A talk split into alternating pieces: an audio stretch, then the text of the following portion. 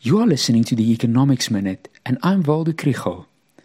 I don't want to be one of those doom and gloom economists, so let me first say that the minister did his best with what he had. However, there are a few things to be concerned about. This episode is supported by Economic Research Southern Africa and the NWU Business School. I think the minister has managed to find a balance between conservative spending, tax relief, and plans that should promote growth. Ordinary people will be helped by the 5% increase in social grants and the 350 Rand COVID SRD grant that will be paid for another year.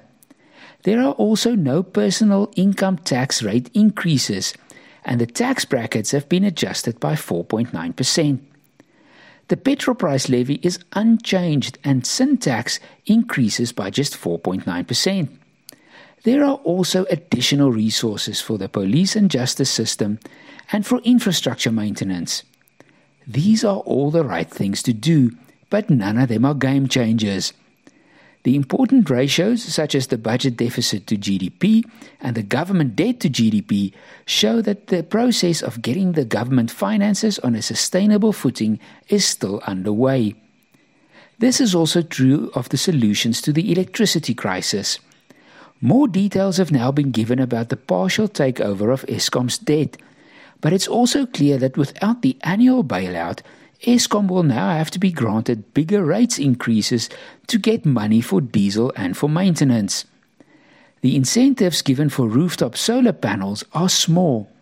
I think that most households and SMEs will find that even with the help, a system that can bridge stage 4 to 6 load shedding is a big investment to make. My concerns are, are, about the building blocks of the budget numbers. At the moment, there's a primary surplus, but things could quickly look different if the economy grows more slowly than the 0.9, 1.5, and 1.8% growth predicted for the next three years. And is it realistic to budget nothing for the COVID grant after 2024? Or to budget for a 3.3% wage increase for civil servants. I would rather see the fiscal consolidation happen more slowly, but also more realistically.